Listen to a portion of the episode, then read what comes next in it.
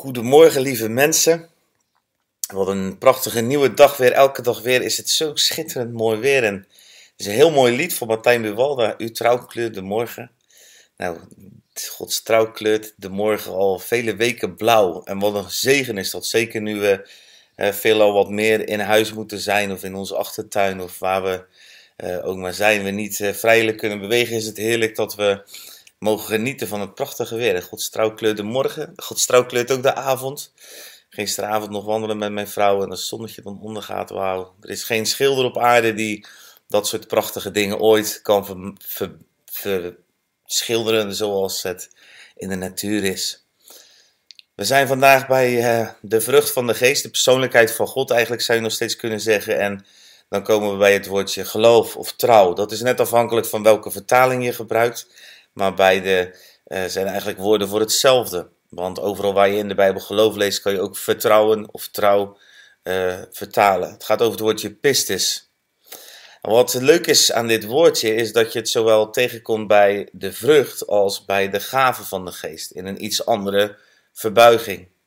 In het Nederlands kennen wij niet heel erg een verschil tussen die woorden, maar in het Engels bijvoorbeeld heb je wel twee woorden, faith en belief. Dat zijn verschillende woorden voor geloven en voor trouw. Um, in het Nederlands hebben wij dat niet, maar in de grondtaal hebben we wel verschillende betekenissen. dus als je het hebt over de gaven van de geest, dan gaat het eigenlijk over iets wat we vanuit de hemel krijgen, wat er ineens is, zou je kunnen zeggen. Een cadeautje wat je zomaar opeens hebt. Dus iets heel anders dan de vrucht. En die gaven die van geloof, dat gaat over wonderen, tekenen, krachten, geloof voor een situatie, voor een doorbraak, dat iets gaat gebeuren.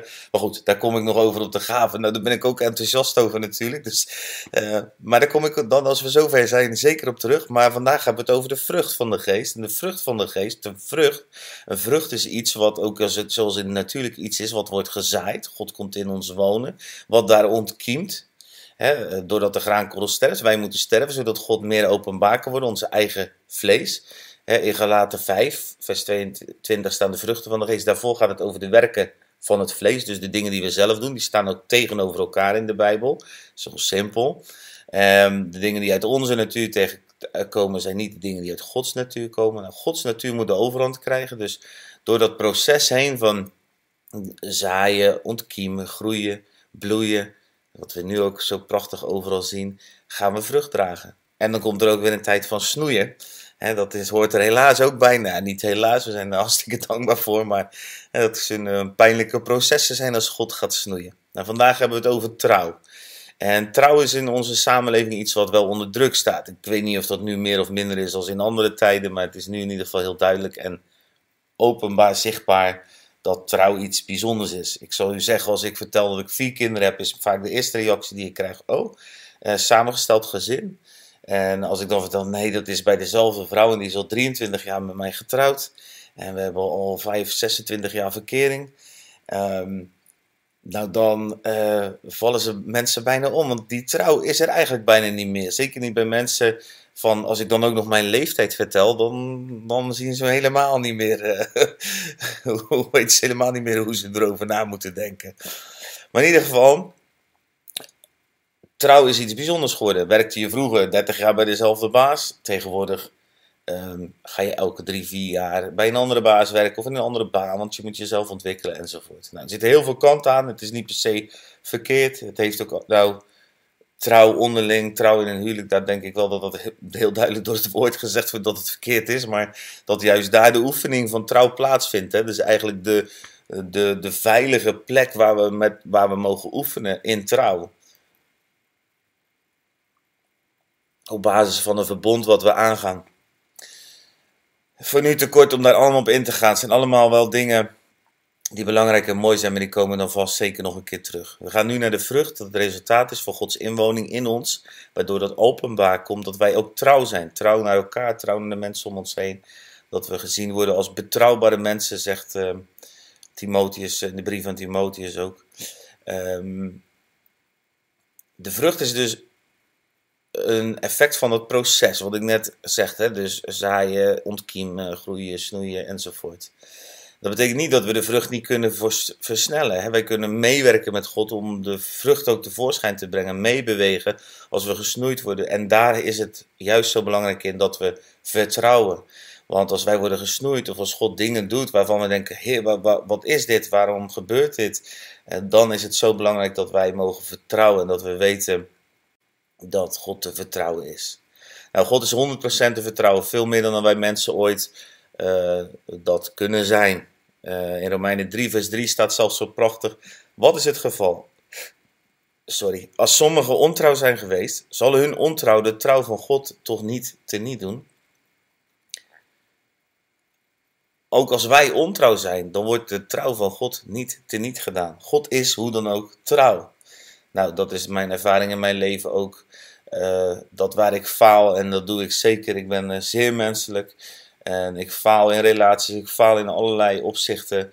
En, maar God is trouw. En zelfs als ik naar Hem toe faal of de dingen niet helemaal doet zoals Hij ze van me vraagt, doordat ik bang ben of nog ergens uh, allerlei weerstanden moet doorbreken in mijn leven, Hij is trouw. En Hij, um, hij blijft telkens weer opnieuw met mij uh, uh, aan de slag, zou je kunnen zeggen. Um, die trouw van God wil Hij in ons leven ook openbaar krijgen. Zodat we ook trouw zijn naar de mensen om ons heen. Zodat we ook trouw zijn naar elkaar. En dat we bekend staan als mensen die te vertrouwen zijn. Dat is de trouw waar we het vandaag over hebben. De trouw die gaat over gehoorzaamheid, over vertrouwen, over overgave. Dat is niet het geloof. In sommige, Bijbel, in sommige Bijbelvertalingen is het dus als geloof vertaald, maar het gaat dan over dat geloof. Het geloof wat gaat over vertrouwen. Het geloof wat gaat over gehoorzaamheid. Het geloof wat gaat over overgave. Dat is wat God als vrucht in ons leven gaat bewerken. Los van al die krachtige, prachtige dingen die geloof kunnen werken, waar we later op terugkomen. Maar wil ik je vandaag voor uitdagen om in gebed te gaan. Om een, minstens 15 minuten uh, apart te zetten. Om vanuit dat wat ik nu verteld heb over trouw. Je uit te strekken naar Gods trouw. En als het ware in, in een spiegel te kijken. Heer, u bent trouw. Laat mij zien dat u trouw bent. En dan gewoon te, af te wachten wat de Heilige Geest gaat spreken. Ja, wij we ontvangen vaak niet omdat we niets vragen aan God, maar we horen vaak niets omdat we ook niet luisteren. En uh, ik wil je eigenlijk gewoon zo vragen om dat eens te doen. Een kwartiertje lang gewoon uh, met God te zijn. Ik heb eerder al eens een keer verteld, Paulus, uh, Johannes, Jacobus, Petrus.